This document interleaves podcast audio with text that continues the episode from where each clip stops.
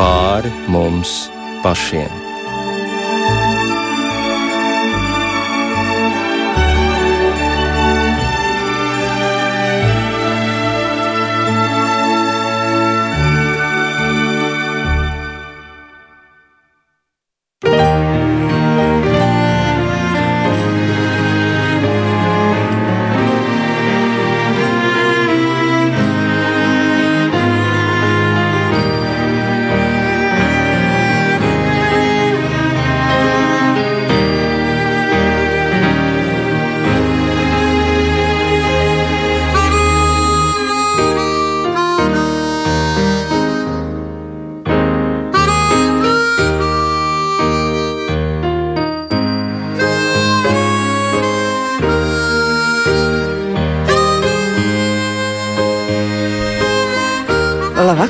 Šajā skaistajā un vasarīgajā svētdienas vakarā jums saku es, Rīta Brunēvica.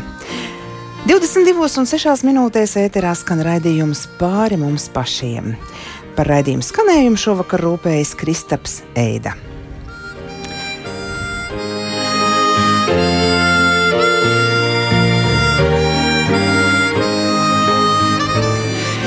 Grāmatas saplēstās mežģīnes satura aprakstā ir šāda atziņa: Robeža starp dvēseles vēlmju skaistumu un destruktivitāti ir bīstami trausla. Un šīs domas sakarā man nāk arī apakstuļa Pāvila vārdi. To labo, ko es gribu, es nedaru, bet to, ko es negribu, to es daru. Cilvēkam slimo ne tikai miesa, bet arī dvēsele. Garīdznieki uzskata, ka pamatā dažādām dvēseles slimībām un tādam sagūstītam dvēseles stāvoklim ir kaisle.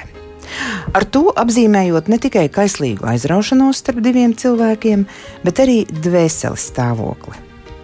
Kā izpaužas dvēseles kaislis? Kā tās ietekmē cilvēku? Un kādus tikumus likt to vietā?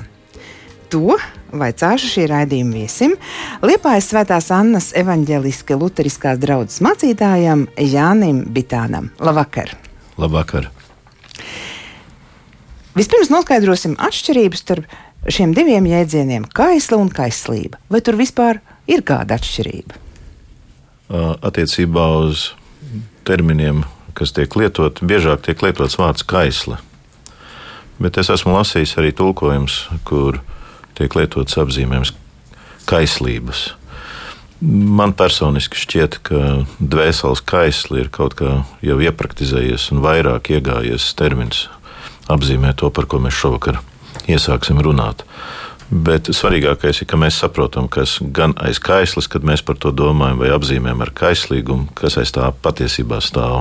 Un kādu vispār raksturot šo emocionālo stāvokli?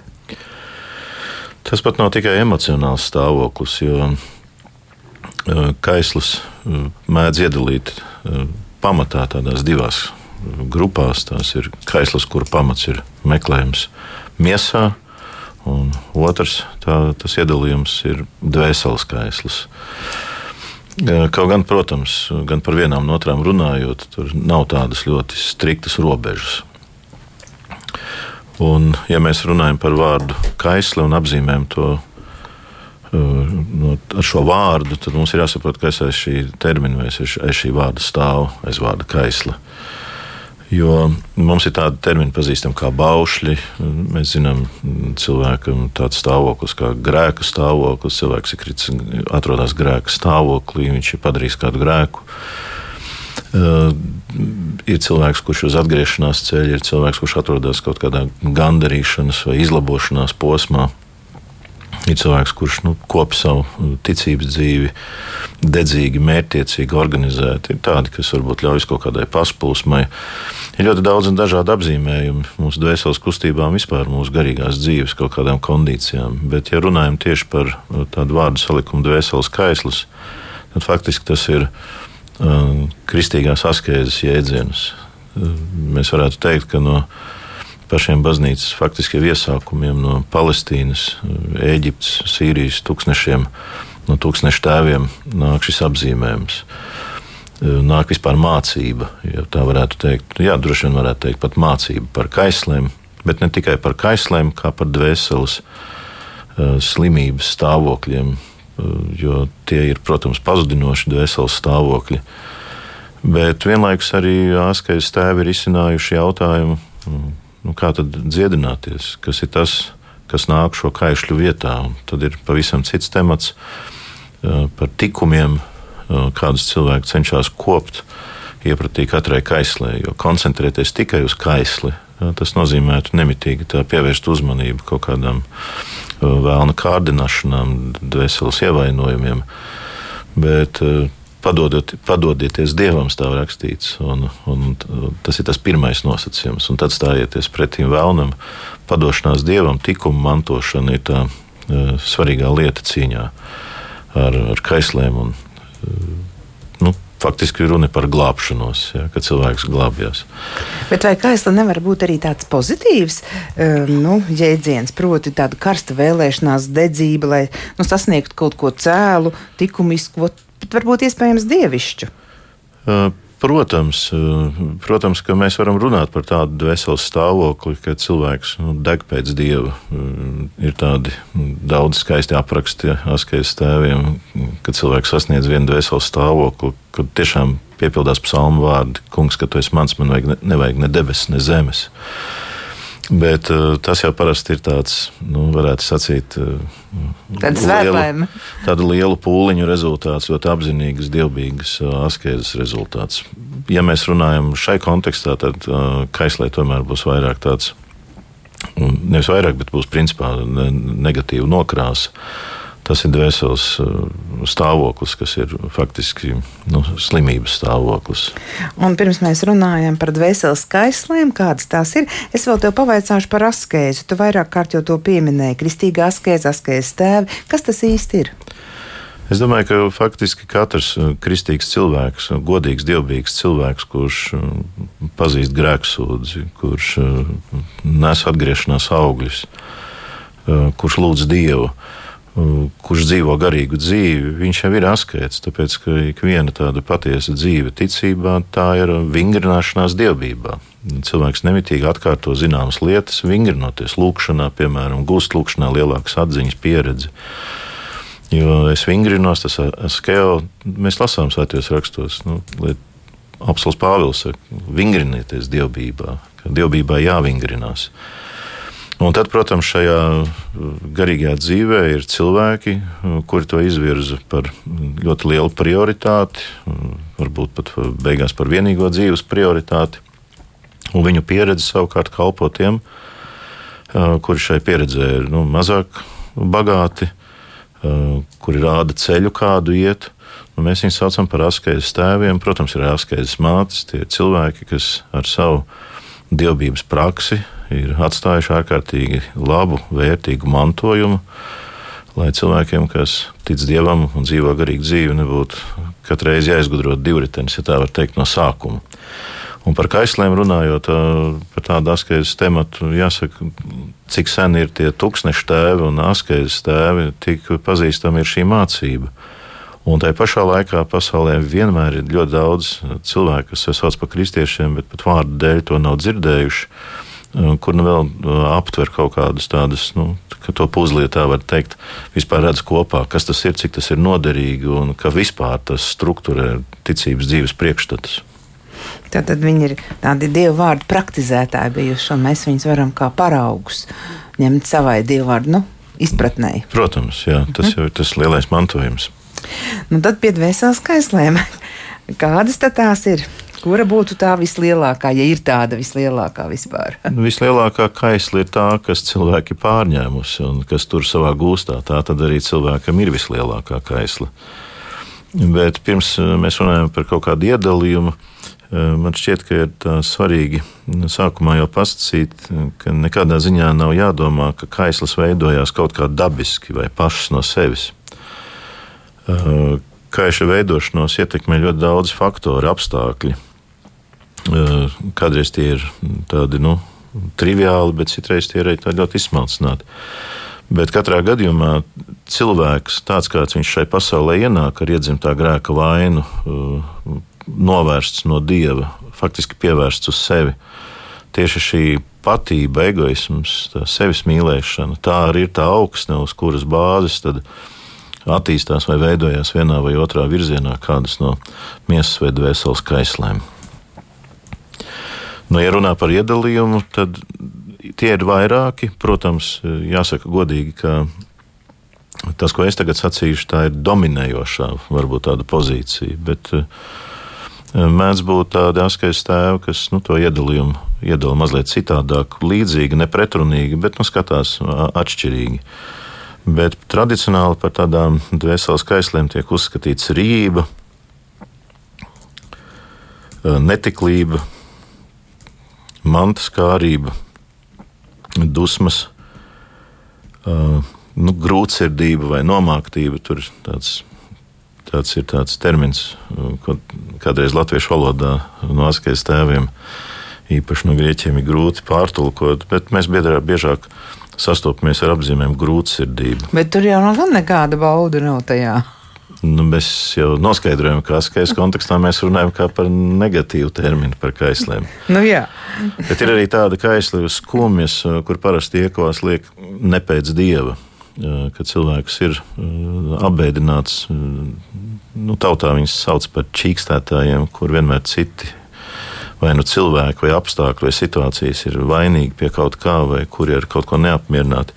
Mēs jau atšifrēsim par šīm kaislēm runājot katru ļoti izvērstā veidā, tikai tā, lai veidotos tāds priekšstats. Un, -hmm.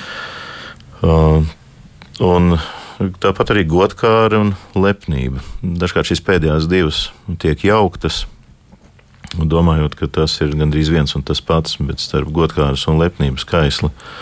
Tomēr ir ļoti būtiska atšķirība. Lepnība faktiski varētu teikt, ka ir tā, nu, ja mēs tā sakām, kas ir vislielākā, tad tā ir lepnība. Uh, ir, ir tēvi, kas ļoti skaidri saka, ka, ja ar citām kaislēm ir kaut kāds vēl potenciāls cilvēkam cīnīties, uh, tad lepnības kaisla nu, to var kausēt tikai tuvāko mīlestību un rūpes.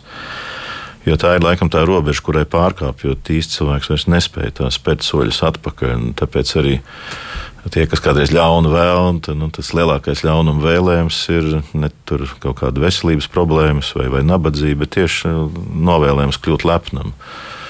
Un tad garīgi ļaundaļa ļoti labi zina, ka to novēlot un to cilvēkam piedzīvojot, viņš tiešām piedzīvo visbriesmīgāko lietu. Jo arī teikt, ka lepniem dievs stāv pretī. Tas jā, nozīmē novērst no viņiem. Lepniem dievs stāv pretī, pretojas, un pazemīgos tur pretī viņš paaugstina. Un te mēs arī varēsim runāt par kaut kādām lietām, ko katrai no kaisliem liek pretīm. Bet um, es gribēju vēl vienu lietu pasakīt, kas saistās ar pašu to kaislas izpratni. Uh, tad mums ir jāsaprot, ka ar vārdu kaislešu apzīmējumu mēs saprotam grēcīgu noskaņojumu. Vēl vairāk mēs ar to saprotam grēcīgu noslieci. Noslēdz tas nozīmē tādu pastāvīgu virzienu cilvēku miesā vai dvēselē. Tā ir eh, tāda pastāvīga vēlme grēkot, ierastā noteiktā veidā. Mēs to varam apzīmēt arī kā mīlestību uz eh, grēcīgiem darbiem vai lietām. Un eh, tad, tad tāpēc arī mēs sakām, ka tās ir vai nu miesas vai dvēseles tādas kaitas, slimības. Citi sauc par tādiem dvēseles iekaisumiem. Un tā ir tāda mūžīga jēla vieta cilvēka dvēselē. Viņa mūžīgi kaut ko izvar no sevis, kaut kādu netīrību. Bet es esmu dzirdējis arī tādu modernu apzīmējumu, ka uh, kaislis sauc par grēku fabriku. Faktiski tās ir tās, uh, kuras nu, kā tāds nemitīgs iekšējs impulss cilvēku tur noslēgtos kaut kādu grēka darīšanu. Jo grēks var notikt, un viņš var noslēgties kā viens notikums, kā viens nodarījums. Bet kaisli ir pastāvīgs, iekšējs, nemitīgs noskaņojums. Deg, jā, tā ir tāda iekšēja mm. gruzdēšana. Mm -hmm. Un, ja mēs runājam par kaisliem, tad uh, šie termini apzīmē faktiski ļoti lielu uh, tādu izpausmi kompleksu. Ja mēs sakām rība, tad aiz tā nestāv tikai nu, tāda vēlme pierīties. Ar to tiek saprasts uh, ļoti daudzas lietas. Tāpat, ja mēs sakām netiklība, ar to tiek saprasts viss tas, ko mēs varam izlasīt uh, Mozus bauslībā, par ko mētā ar akmeņiem un kas ir negantība tā kunga acīs. Uh, tur būs visas saucamās fīlijas, nekrofīlijas, zoofīlijas. homoseksuālās attiecības, tur būs laulības pārkāpšana, tā saucamā, ir dabiskie netiklības grēki un nedabiskie. Tā faktiski netiklības sevī paredz, šī kaisla paredz ļoti dažādas virzienus, bet viņi visi ir saistīti ar cilvēka nepareizu un grēcīgu seksualitātes realizēšanos. Un tas viss mīt cilvēka dvēselē, ja tas sākums. Uh, tas cilvēka dvēselē iesakņojās, un cilvēka dvēselē to sasirgst. Tam var būt dažādi, kā jau es pieminēju, iemesli, tam var būt dažādi apstākļi, kas to ļoti, ļoti veicina. Pie, pie, pie rības kaislas jau nu, mēs varam atrast ļoti daudz dažādas iemeslus. Piemēram, ja cilvēks savā dzīvē nepazīst regulāru atturību, nu, baznīcā mēs sakām gavēni, tad faktiski viņš nemaz īsti var neapzināties, ka viņš atrodas vēdera kalpībā Jo pietiek cilvēki ielikt kaut kādos gavēņa rāmjos, viņš pēkšņi kļūst nu, tāds nervozs. Patiesībā izrādās viņš kalpo tomēr vēderam vairāk nekā garam. Un, un to varētu sacīt par jebkuru kaisli. Tikko viņu tādā pareizā, dievišķā veidā sāk formulēt un kaut kādā veidā ārstēt vai dziedēt, tad tikai viņi parāda savu īsto dabu. Mēs varētu teikt, tas, kas no miesas dzimis, viņš nu, no miesas dzimis ir miesa. Un, un tāds cilvēks jau patiesībā nemaz nejūt to konfliktu ar, ar, ar, ar, ar kaut kādām grēcīgām kaislēm. Jā, un cik ilgi ar tādām kaislēm var sadzīvot? Visu mūžu vai ne? Protams, tas ir tas bēdīgākais, kad cilvēki ir sadzīvot visu mūžu un nu, tā godīgi atzīt, ka tas ir mans temperaments, tā ir mana daba, tas ir mans raksturs, tā ir mana būtība, es tāds esmu, pieņemiet mani tāds, kāds es esmu. Un, Kādreiz arī tur nāk tāda ļoti viltīga alibi, nu, Dievs pieņem katru tāds, kāds viņš ir. Taisnība kristībā mazgā visus tādi, kādi viņi ir. Ar kādiem grēkiem es atnācu, no tādiem arī Dievs mazgā. Un tā ziņā mēs visi esam svēti. Ja, nomazgāti svētajos kristību ūdeņos, mēs esam svēti darīti. Bet mēs neesam svēti pēc aicinājuma piepildījuma. Tā ir mazliet cita svētuma izpratne cik mēs esam atdalīti priekš Dieva ar savām domām, vārdiem un darbiem. Un tā, tas ir tas, kur kādreiz ir tāda klupšana, ka to nemaz neievēro. Jo tad, kad mēs esam atgriezušies un Dievu pieņemti, tad jau faktiski tikai sākās. Tad jau tikai sākās tā īstā garīgās dzīves izpratne. Tad tikai pa īstam iesākās tāda apjaušana, kas ir tas, no kā es esmu atpestīts, Un patiesībā laika ejot, jau cilvēks to ierauga ar vien vairāk. Es kādreiz cilvēkiem, kuri nāk un saka, ka viņi ļoti uztraucās, ka ja viņi ilgāk baznīcā atrodas, garīgi dzīvo, viņiem liekas, ka viņiem nevis paliek labāk, bet tikai sliktāk. Viņi ar vien vairāk ierauga kaut kādas kļūdas, kaut kādas nolaidības, un dažiem sāk krist rokas gar sāniem. Un, Un, un dažkārt cilvēki nezina, kas ir tēvs. Saka, tā jau kā reize ir laba parādība. Bīstamāk būtu, ja cilvēks nemitīgi skaitītu kaut kādus progresa soļus savā garīgā izaugsmē, ka viņam jau tas ir un tas ir un tas ir. Tas jau drīzāk ir ceļš uz to pēdējo lielo kaisli. Šāda savu vainu redzēšana ir viena no lielākajām dieva žēlastībām. Daudz svētie to ir teikuši. Vislielākais brīnums un lielākā lieta, ka tu redzi savus grēkus, jo satriektu un salauztu garu un sirdi Dievs nenoraidīs. Un, ja runa ir par kaislēm, tad es uzreiz piebildīšu, ka ļoti daudz no askais tēviem saka, ka dažiem cilvēkiem nav jābrīnās, ka viņu kaislas dilst ļoti lēni. Jo, ja Dievs dod tādu žēlastību, tām pāriet ātri, viņš ļoti labi zina, cik ātri šie cilvēki krist tādā pašapmierinājumā, iespējams, pat tādā iekšējā garīgā iedomībā, nu, ka viņi to paveikuši un ka viņiem viss ir kārtībā. Un dažkārt ir jābalansē starp to kaislas atstāšana kaut kādā mērā, vai to nemitīgā vājuma savu sajušanu, jo tas nereti ir vienīgais veids, kā cilvēks vispār ir noturams kaut kādā pazemības stāvoklī, no kura viņš var tikt pestīts un glābts, kuram Dievs nepretojās. Bet cilvēkam pašam tas ir jāsaprot, ka viņā tiešām kaut kas no tā mājo. Daudz jau nemaz arī to nezina. Bieži vien, bet piemēram, viena no kaislēm, mēs par to, protams, runāsim vēl daudz, no, noteikti Dievs dos, bet piemēram, dusmas. Uh, ir, ir cilvēki, kas ļoti ar tām cīnās. Es esmu lasījis uh, tādu labu padomu, ko tēvs saka tiem, kuriem nu, ļoti mācījušies apvaldīt, tuvākie necieš no šiem dusmu izvirdumiem vai kaut kādam dusmu kaislas citām izpausmēm. Bet tajā pašā laikā nu, paši iekšēji ļoti cieši, jo viņi visu laiku jūt, ka viņas tā kā tāda uguns iekšā deg.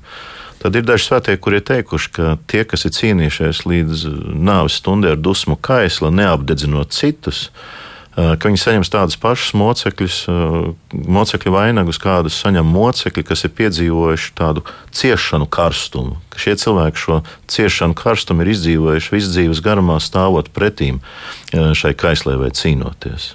Bet arī no tās jau var tikt atbrīvot. Protams, par kaisliem vispār tiek mācīts tam dēļ, lai ar tām cīnītos un lai no tām atbrīvotos. Tāpēc arī tas temats par tikumiem, ko cilvēks iemanto kaišļu vietā. Jau raidījuma pirmajā pusstundā esam noskaidrojuši, ka kaisli tā var atrasties gan cilvēka miesā, gan arī cilvēka dvēselē. Un domājot par dvēseles kustībām, kuras ir ļoti dažādas, kaisli ir pazudinošs stāvoklis. Tā ir tāda grēcīga nosliece, dvēseles virziens, ko mācītājs arī teica, ka tā ir tāda mūžīga jēla vieta dvēselē. Kādas tad ir šīs dvēseles kaislības? Te tika nosauktas rīība, netiklība, mantas kārība, grūtsirdība, skumjas, čīkstēšana, godkāre, lepnība, arī dusmas tika pieminētas. Nu, par šīm kaislēm mēs vēl runāsim atsevišķi nedaudz vēlāk, bet vēl eh, sākumā vēlos vaicāt par to, kā tad ir ar to tiešām kaislas. Nu, sākumu, kā jau Jānis teica, tā neveidojas dabiski. Nu, tā sākas sevis mīlēšanā. Bet kā tā atrod tieši ceļu uz cilvēka dvēseli? Sevis mīlēšana jau arī nesākas ne no kā. Parasti eh, mēs skatāmies uz eh, tādiem trīs avotiem, no kuriem cilvēks saņem tādus pazudinošus impulsus aizkaizēt. Tā, tas, protams, ir tāds ļoti varbūt, schematisks iedalījums, bet tas dod, skaidru priekšstatu. Vispirms mums kritusī daba, mēs sakām, miesa, ja, mūsu dvēseliskais cilvēks, neap, neapgarotais.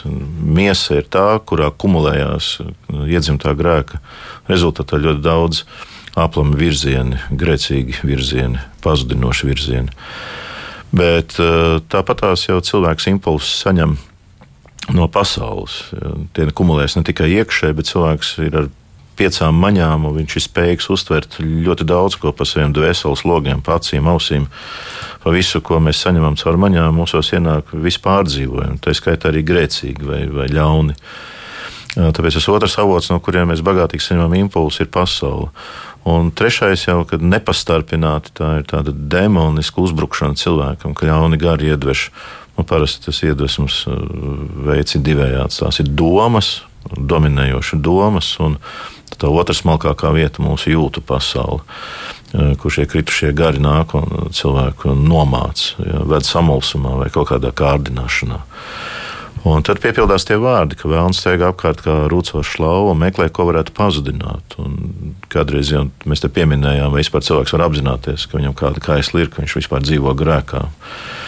Tad tajā brīdī, kad cilvēks tiek apgaismots, viņš pa īstam sāk ieraudzīt īsto dzīves virzienu, ir novērtē sevi, beidzot ierauga dievu vietu pasaulē un vispār savā dzīvē. Un tad tikai sākās šo te tādu pretspēku kārdinātāju, visu to šķēršu, kas guļās un krīt un nāk garīgās dzīves ceļā. Uh, kā tādas barjeras, kā aizturas. Eh, jo nu, tieši tāpat kā Dievs grib, ka visi cilvēki taptu izglābti, kā mēs lasām, Vēlns grib, lai visi cilvēki taptu pazudināti. Viņš ir kā slīcējs, kurš rauj visus līdzi. Tas notika viņam krītot no debesīm, paraujot līdzi pirmos cilvēkus un ar viņiem arī pārējos. Viņa nodomi nav mainījušies. Un, eh, ja mēs runājam par pašām kaislēm, tad jau te, mm, ir pieminēts par tām miesas, kur mēs kumulējam sevī, piemēram, Haskais tēvs saka tā, starp rības kaislu un netiklības kaisli. Ja pie vēdera, pie kuģa pieliek roku, tad sprīdi uz leju var atrast otrs miesīgās kaislas centru. Viņš nekur tālu nav jāmeklē, viņi ir pārsteidzoši tuvu. Un, uh, par dvēseles kaisliem mēs, protams, tā nevaram tik schematiski runāt. Bet ļoti interesanti, ka Askais tēvs saka, ka šīs divas lielās kaislas viena no otras tālu neguļ. Un pat tādā tautas jau kaut kādā lietu izpratnē zina, ka ilga gulēšana, laba ēšana neko labu cilvēkā nu, neveicina. Tikai vēl kaut kādas tādas miesīgas pieprasījumus. Jā, tiešām, ko tā skaislas samaitā, lai mēs saprastu, ka tas ir tiešām netikums. Jo, Kaisla ka... ievada grēkā. Faktiski kaislas uh, rezultāts ir pastāvīgi cilvēku nonākšana līdz kaut kādam grēkam. Un šai brīdī es labprāt paskaidrotu mazliet to, uh, ka tā, tas, ko mēs runājam, ka kaisla jau iesakņojās. Ja? Cilvēkam tā viņa vecā daba ir tā labā augsne, uz kuras tad, nu, viņa tur sējās. Bet es varētu varbūt dažos vārdos ieskicēt tādus dažus pakāpienus uh, uh, par, uh, par kaisliem. Kā pirmo, parasti piemin ieganstu vai impulsu. Tas var ienākt prātā, tas var parādīties kā jūtu atmiņas vai iztēles darbības rezultāts. Tas ir vienkārši cilvēkā nāk impulss. Viņš arī iekšēji kumulēt kaut kādas lietas, bet parasti tas ir kas redzēts, dzirdēts. Tie var būt apstākļi vai situācijas, kas cilvēkam dod kaut kādu grēcīgu noskaņojumu vai kārdinošu nu, atmosfēru. Uh, cilvēks var ieraudzīt kaut ko netiklu, piemēram, uh, tad tas vēl nenozīmē, ka viņš ir spējīgs to ieraudzīt, ka viņš saņemdam šādu nu, netīru impulsu, ka viņš uzreiz ir grēkā kritis vai vainīgs. Tieši šajā pirmajā brīdī Askais tēvs saka, nē, tas, ko sauc par iegānstu, tas ir tas mm, iemesls, kura dēļ tas jau pieturēs pie varbūt citiem raidījumiem, kur runāt, ka cilvēks iekšēji norobežojās. Tā ir savu domu uzmanīšana, tā ir savu domu turēšana tīrībā, jo ik viens grēks sākotnēji sākas domās. Viņš vispirms sākas cilvēku prātā un jūtās. Un pēc tam jau viņš pieaug. Un tad ir tas nākamais, un ar šo es domāju, ar, ar grēcīgiem ieganstiem vai impulsiem sastopās pilnīgi visi cilvēki, absolūti visi. Un varbūt tā kristīgi un garīgi dzīvojoši cilvēki privilēģija ir tā, ka viņš viņus ātri māca ieraudzīt vai ātri māca pamanīt. Viņš viņus sajūta kā neradniecīgus tam jaunam aicinājumam vai jaunajai dabai, eh, ko cilvēks no Dieva saņem kristības dāvanā un nostiprina ar, ar sakramentiem. Bet otra lieta ir eh, tas posms, kad cilvēks sāk veltīt uzmanību. Proti, tā ir apziņas sakoncentrēšana vai no prātā ienākušo tēlu, ar mērķi to aplūkot sīkāk. Dažas, kā es tēvu saku, parunāties ar šo impulsu. Es tā kā iekšēji nepiekrītu kopumā, bet es viņu pieņemu tā uz tādu mazu dialogu, tādu iepazīšanos. Un tā, tā jau ir gan darbība, kas ielūgstot, jau ved pretīm tam, ko mēs parasti grēksoties sakām, lai Dievs piedod, ar ko esam grēkojuši domās. Jo teiksim, tas, ka mūsu prātā vai, vai miesā ienāk kāds grēcīgs impulss, un mēs no viņa novēršamies, mēs tikai apliecinām to, ka mēs gribam piederēt Dievam un mēs esam uztvert spējīgas būtnes. Bet, ja cilvēks šo impulsu jau pieņem un velta tam uzmanību, tad jau tas ved tajā virzienā, kur cilvēks jau sāk iedraudzēties.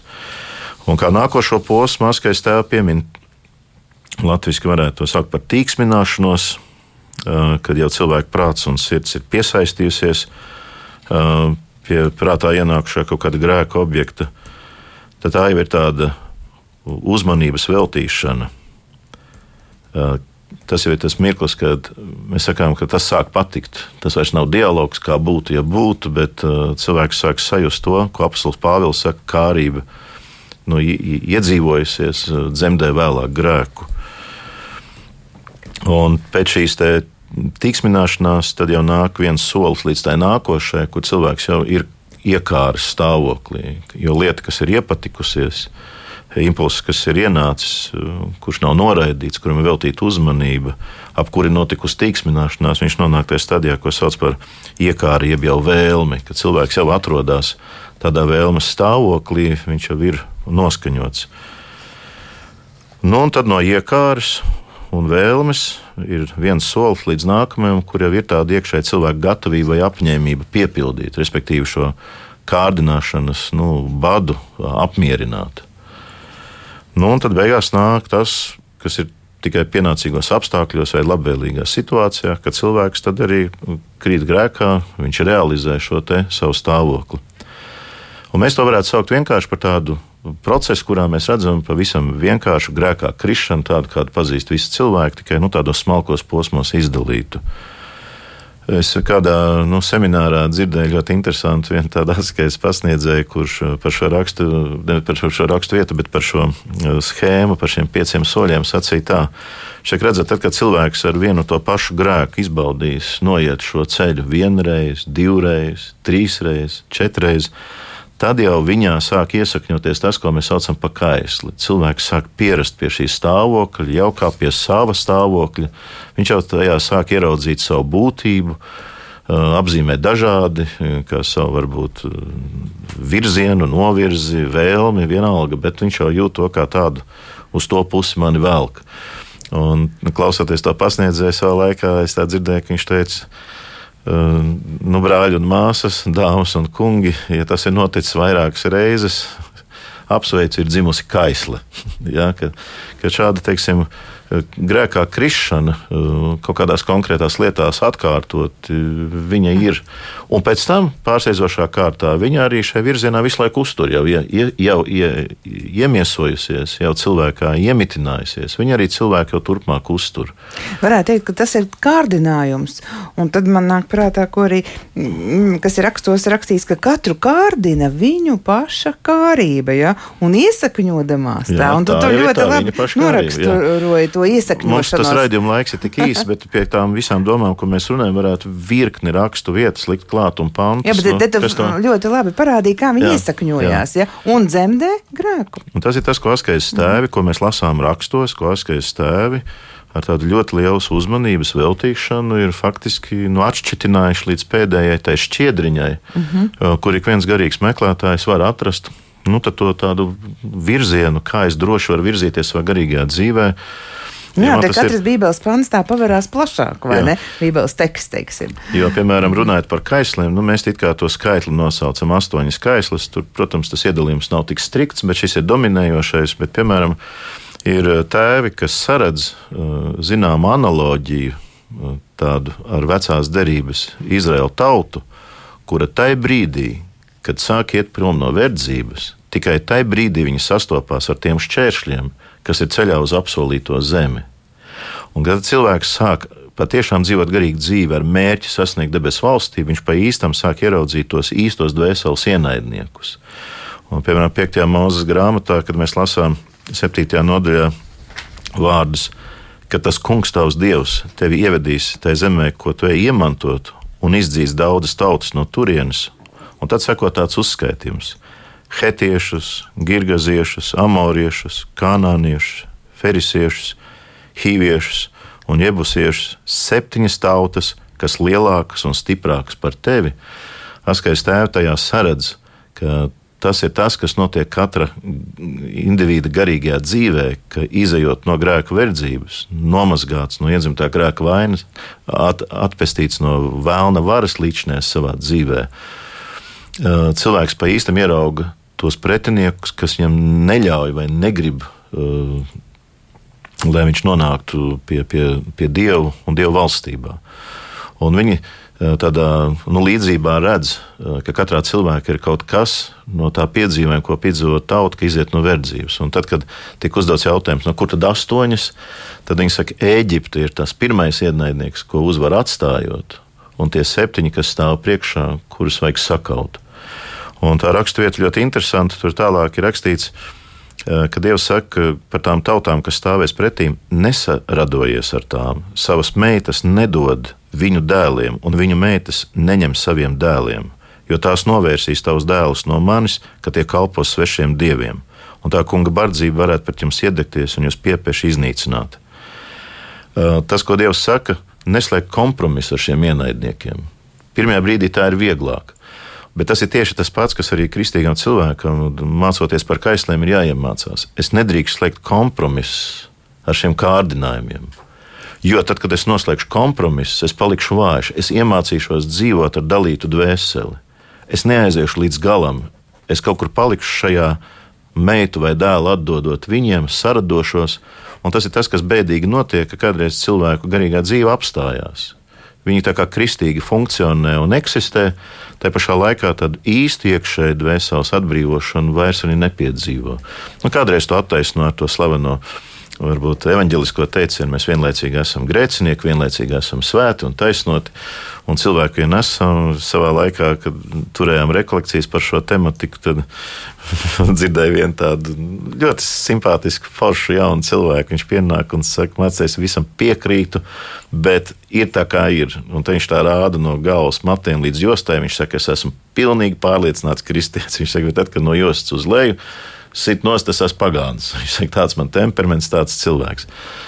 Tā ir ļoti godīga, varbūt savu tādu nu, vājības atzīšanu, bet tad nevajag nu, to pieņemt kā tādu saradošanās normu, ja, ka tas tā nevar. Ja Dievs ved, tad viņš ved līdz galam.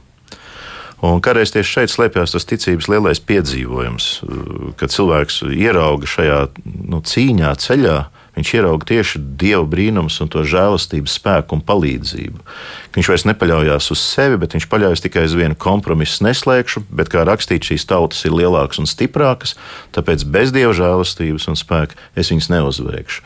Un dieva žēlastības un spēka tas nu, garants ir tas, ka es neslēdzu kompromisus. Un kādreiz tas vislielākais izaicinājums cilvēkam, nu, neslēgt mazus kompromisus. Zinu, ka daudzi saka, ka kristietība patiesībā savā dziļākajā būtībā, garīgajā būtībā ir ļoti radikāla. Līdz galam tā Līdz galam, teici, jā, jā. Pilnīga novēršanās no vēlna un pilnīga pievēršanās dievam. Viens sludinātājs ļoti skaisti teica, es atceros to vēl no saviem 11 gadiem. Viņš sacīja, ka, kad jūdi gāja uz apsolīto zemi, viņiem uguns stabs gāja pa priekšu naktī un mākonis dienā. Un viņš teica, ir ārkārtīgi grūti absolūti skaidri redzēt uguns stabu, ja tu stāvi ar vienu acu skatoties uz Eģiptu, atpakaļ uz gaļas podiem un ķiplokiem, un ar otru acu tu skaties to. Viņš tā ļoti skaisti teica, pilnīgi pagriez muguru Eģiptei, un tu ieraudzīsi ugunsstabu dienā, un uh, ugunsstabu naktī un mākoni dienā. Un tas ir tas, kas arī šajā kaišļu lietā ir izšķirošais. Man nav jādomā par to, vai es uzvarēšu. Skaidrs, ka kārdinātāji ir daudz lielāki, gudrāki. Viņi cilvēkus pazīst no pirmās grēkā pavidināšanas. Bet mana žēlastība un spēks slēpjas tajā, ka es bērnišķīgi padodos tikai Dieva vadībai. Starp citu, citās skaistās tēvi ir ieraudzījuši arī tādu pantu, tā kontekstā ar to, ko mēs runājam no Lūkas evanģēlija un citur paralēli, kur tiek pieminēts, ka Jēzus māca par nešķīstu garu. Viņš saka, ka nešķīsts gars atstāja cilvēku. Tad viņš apsteigā savas vietas un meklē atpūtas vietu, bet to neatradis. Saka, es atgriezīšos savā mājoklī, kur atstāju. Un viņš noiet, šis viens izdzītais, atrod to izslaucīt un izgraznot, un tad viņš noiet un ņem līdzi septiņus citus garus, kas ļaunāki par viņu, un viņi nāk un tur dzīvo no šo cilvēku, kļūst ļaunāk nekā bijis iepriekš. Ja, arī šajā uh, kunga pamācībā redzēt, ka, nu, ja tu esi atbrīvots un tu esi aicināts uz kaut ko līdz galam iet, iemantot valstību, ko Dievs ir apsolījis savējiem, ieiet tajos mājokļos, kurus Kristus aiziet sataisīt, uh, tad nevajadzētu šajos kompromisos krist, lai nenotiek vēl ļaunāk nekā iepriekš. Jo apustulis Pāvils ļoti nopietni brīdina par tādu mm, žēlastības nu, izniekošanu kaut kādā veidā. Bet, ja mēs varam parunāt vēl uz priekšu, tad es pieminētu, varbūt, lai nav tā, ka mēs runājam tikai par mm. negatīvām lietām, tad pie šīm mm, kaislēm arī pretējas tos tikumus, proti, atturība. Ja mēs runājam par rību, šķīstība vai šķīstums, te arī atkal labāk būtu kādiem latviešu valodas speciālistiem teikt, kā labāk saprotot to, kas aiz tā stāv, kādu apzīmējumu likt. Vai, piemēram, atsacīšanās, kad runa ir par mantas kārībai pretēji liktu, vai par lēnprātību, iepratīt dusmām. Tur gan ir oriģināli grieķu, arī citās valodās termini, kur tā to ir rakstījuši, bet uh, tā lēnprātība, jā, iepratīt dusmām. Tām pasaulīgām skumjām pretīm ir dievišķā noskumšana, kādreiz to sauc par svētīgo raudāšanu, grūtsirdībai garīga modrība. Ja teiksim, cilvēki lasa grieķu vai krievu valodā, nu, krievu valodā ir viens tāds. Tas celamudrī tāds apzīmējums. Tas ir tāda, tiešām tāda iekšēja garīga modrība, vienlaicīgi ietverot skaidrību un tādu tīrību, bet arī skaidrību lietu saprašanā, uztverē. Un godkārai pretīm pazemība, Kādreiz liekas, ka lepnībai jāliek pretīm pazemība, bet patiesībā pazemības tikums tiek kopts iepratī godkāra skaitļā. Un, un mīlestība ir tas atsvars, par ko domā iepratī lepnībai, jo to ir laust cilvēkam pašspēkos ārkārtīgi grūti. Radījuma sākumā es um, minēju citātu no grāmatas Saplēstās mežģīnes, kur um, bija teikts tā, ka tā robeža starp dvēseles vēlmju skaistumu un destruktivitāti ir ļoti trausla un ka pat tā ir arī bīstama. Nu, lūk, tad pārkāpjot šo robežu, kas tad, kāds dvēseles skaistums tad tiek iznīcināts? Tepat runa nebūtu tā iešaurināt par dvēseles skaistumu, bet radot pasauli un tādu kroni visai radībai, radot cilvēku. Dievs cilvēkai ir ielicis kaut kādas pamatlietas pašas par sevi labas, par kurām viņš tās nosauca labas esam, kad redzēja, ka tās bija radījis. Un, ja mēs runājam par kaisli, tad mēs runājam par kaisli kā par kaut ko tik ļoti destruktīvu, kas samaitā kaut ko labu, saposta, sakropļo. Uh, nu, piemēram, ja Dievs dod to pamatu, pamatu sacīdams, augļojieties un vairojieties, tad viņš cilvēkam piešķir seksualitāti, tīru, šķīstu. Ja viņš Ādamam rada ievu un dod šo pavēli, tad tajā mēs nesaredzam neko, ko mēs varētu saukt par dažādu cilvēku emocionālām, fiziskām attiecību negācijām. Tas viss ir pilnīgs. Ja mēs runājam, kas tad ir kaisli, tad tā ir šī te, uh, augļoties, vairoties cilvēku seksuālās dabas novirzīšana grāvī, novirzīšana prom no tā svētā mērķa, kam Dievs vispār šo fundamentu ir devis. Un pie katras kaislas ir šāds sākums, ko kaislis samaitā. Kādreiz, lai to saprastu, ir ļoti labi apzināties. Ja, piemēram, runājam par mantas kārību, tad mēs arī redzam, ka tā ir savs tāds nu, kaut kāds pozitīvais pamats, kas ir samaitāts, kas ir novirzīts no mērķa. Jo tad, kad Ādamam tiek uzticēts ēdienas dārzs ar vārdiem, ka tas viņam tiek dots kop un sargā, To nedarīs nec dievs, nec eņģeļi, bet tas ir pilnīgi uzticēts Ādamam. Faktiski tas ir radīts priekšā Ādama. Visa šī pasaule, kuru rada sešās dienās, ir radīta priekšā Ādama. Tad šī te pasaules uzticēto vērtību, visu lietu, dievišķa pārvaldīšana, kopšana, nu, tiek lietots askaizē termins arī dievišķošanas uzdevums. Gan Ādamam, kas ir radīts pēc dieva tēla, ir uzdevums pieaugt dievu līdzībā. Un pieaugot dievu līdzībā, arī dievišķot visu radību, kas ir radīta. Tā arī vēl nav tas mērķis, tas ir uzdots cilvēkam. Tad lūk, no šīs te izriet tas, ko mēs saucam par kaisli. Grēks samaitājot šo fundamentu un pamatu, cilvēki ieved nepareizā mantas pārvaldīšanā, kārē pēc vēl vairāk Eh, kroplīgā veidā lietošana. Tur nāk klāt skaudība, nenovīdība. Eh, tad mantas kārība visdažādākajās izpausmēs. Viens krāja dzelžus, otrs ir netik glups un klāja, krāja smalkus audeklus un rembrantus. Uh, cits krāja kaut kādas garīgas pieredzes, uh, bet faktiski tā viss ir tāda destrukcija. Cilvēkam tā mantiskā arī. Un mēs varētu par katru kaislu, ko šodien, protams, nevaram vairs izrunāt, bet pie katras kaislas analizēšanas vienmēr atrod, kas ir tas dieva skaistais sākums un ko grēkā krišana ir novirzījusi līdz kaislas stāvoklim. Un kas ir tas tikums, kuru kopjot mēs vienlaikus nu, šo kaisli izcīnām vai uzvaram uh, un kļūstam apātiski. Apātiski tā nozīmē, ka nevis vairs nejūtam kārdinājumu, bet neesam vairs tā gūstā, pastāvīgā gūstā un tādā iekaisuma stāvoklī. Starp citu, um, Askais tēviem, uh, jaunākajiem, uh, tas ir 18. un 19. gadsimts, kur pasaulē dominē jau tādi nu, askēzes izpratnes novirzieni, kāda ir evaņģeliskajās baznīcās, kāda ir rietumu baznīcā vairāk domāt par Romas katoļu baznīcas askēzi. Uh, tad austrumu tēvi neredz saka tā, ir tādi trīs modeļi. Ir pils, kuras vārds, vai pareizi sakot, cietoknis, kuras, kura vārds parasti uzlauž, tad ienāk sirotāji, paņem visu un aiziet. Nu, tad viņas noslēdz cietu un visu pamazām saved kārtībā. Un tad ir tādi cilvēki, kas vienkārši ļoti viegli ļaujās. Viņi uzskata, ka tā ir tāda cilvēciska vājība, bet man pēc tam vienmēr ir jānožēlo, jāpārvērtē, ka tas ir slikti un jāsaved viss kārtībā. Bet viņi tā arī nekad nemāt, neiemācās nosargāt šos vārdus. Viņi vienmēr ir brīvi pieejami, pēc tam pārdzīvo, nožēlo, bet nespēja piedzīvot tādu nostiprināšanos vai spēku savā dievbijā. Un tad ir otra, ko saka, ka ir tādi, kas tos vārdus tur ciet, bet viņi nemitīgi piedzīvo klauvēšanos, un vienmēr ir kaut kādi periodi, kad tas ir sūri un grūti.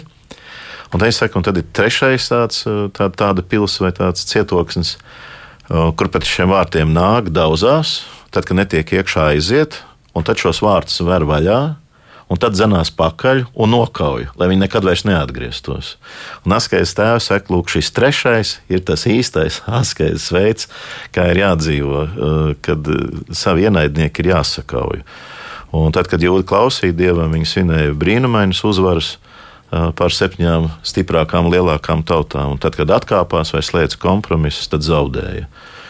To mēs redzam jau kā tādu prototypu vecajā derībā. Man liekas, ka mācība par kaislēm dod ļoti labu priekšstatu, jo faktiski no visām astoņām kaislēm mēs redzam, ka izriet viss tas grēku spektrs un gama, kādu cilvēks vien pazīst. Mēs to varam atrast līdzīgi izrietoši no desmit baušļiem, bet mēs to tieši tāpat varam atrast no skaistām mācības par kaislēm. Un tu teici, ka tiešām jāiet līdz galam un ienaidnieks ir jāsakauj, bet vispirms viņš ir jāatpazīst, vai ne? Tas ir tas grūtākais. Mācība par kaislēm ir tieši šī mācība par atpazīšanu, kad cilvēks ierauga, kas ir tās īstās dvēseles slimības, cik viņas patiesībā ir gūstošas.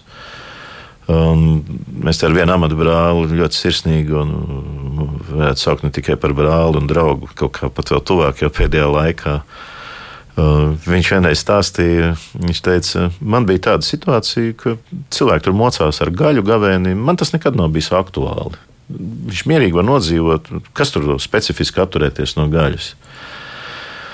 Un uh, tad viņš sacīja vienu tādu interesantu lietu. Viņš teica, bet tad es vienu gavēni pamēģināju gavēt tā, uh, kā baznīcas vēsturē bijis tradīcijā pieņemts. Nevis kā man šķiet, no kā es atteikšos, es zinu, tāda fenšmekera pirms gavēņa. Es šajā gavēnītī no tā atteikšos, es tā kā to nolikšu malā, sev patestēšu. Šis, bet es vienkārši tā paņēmu pēc tam baznīcas prasībām, kā tas ir. Un viņš teica, man pirmo reizi mūžā tā gribējās rīt gaļu.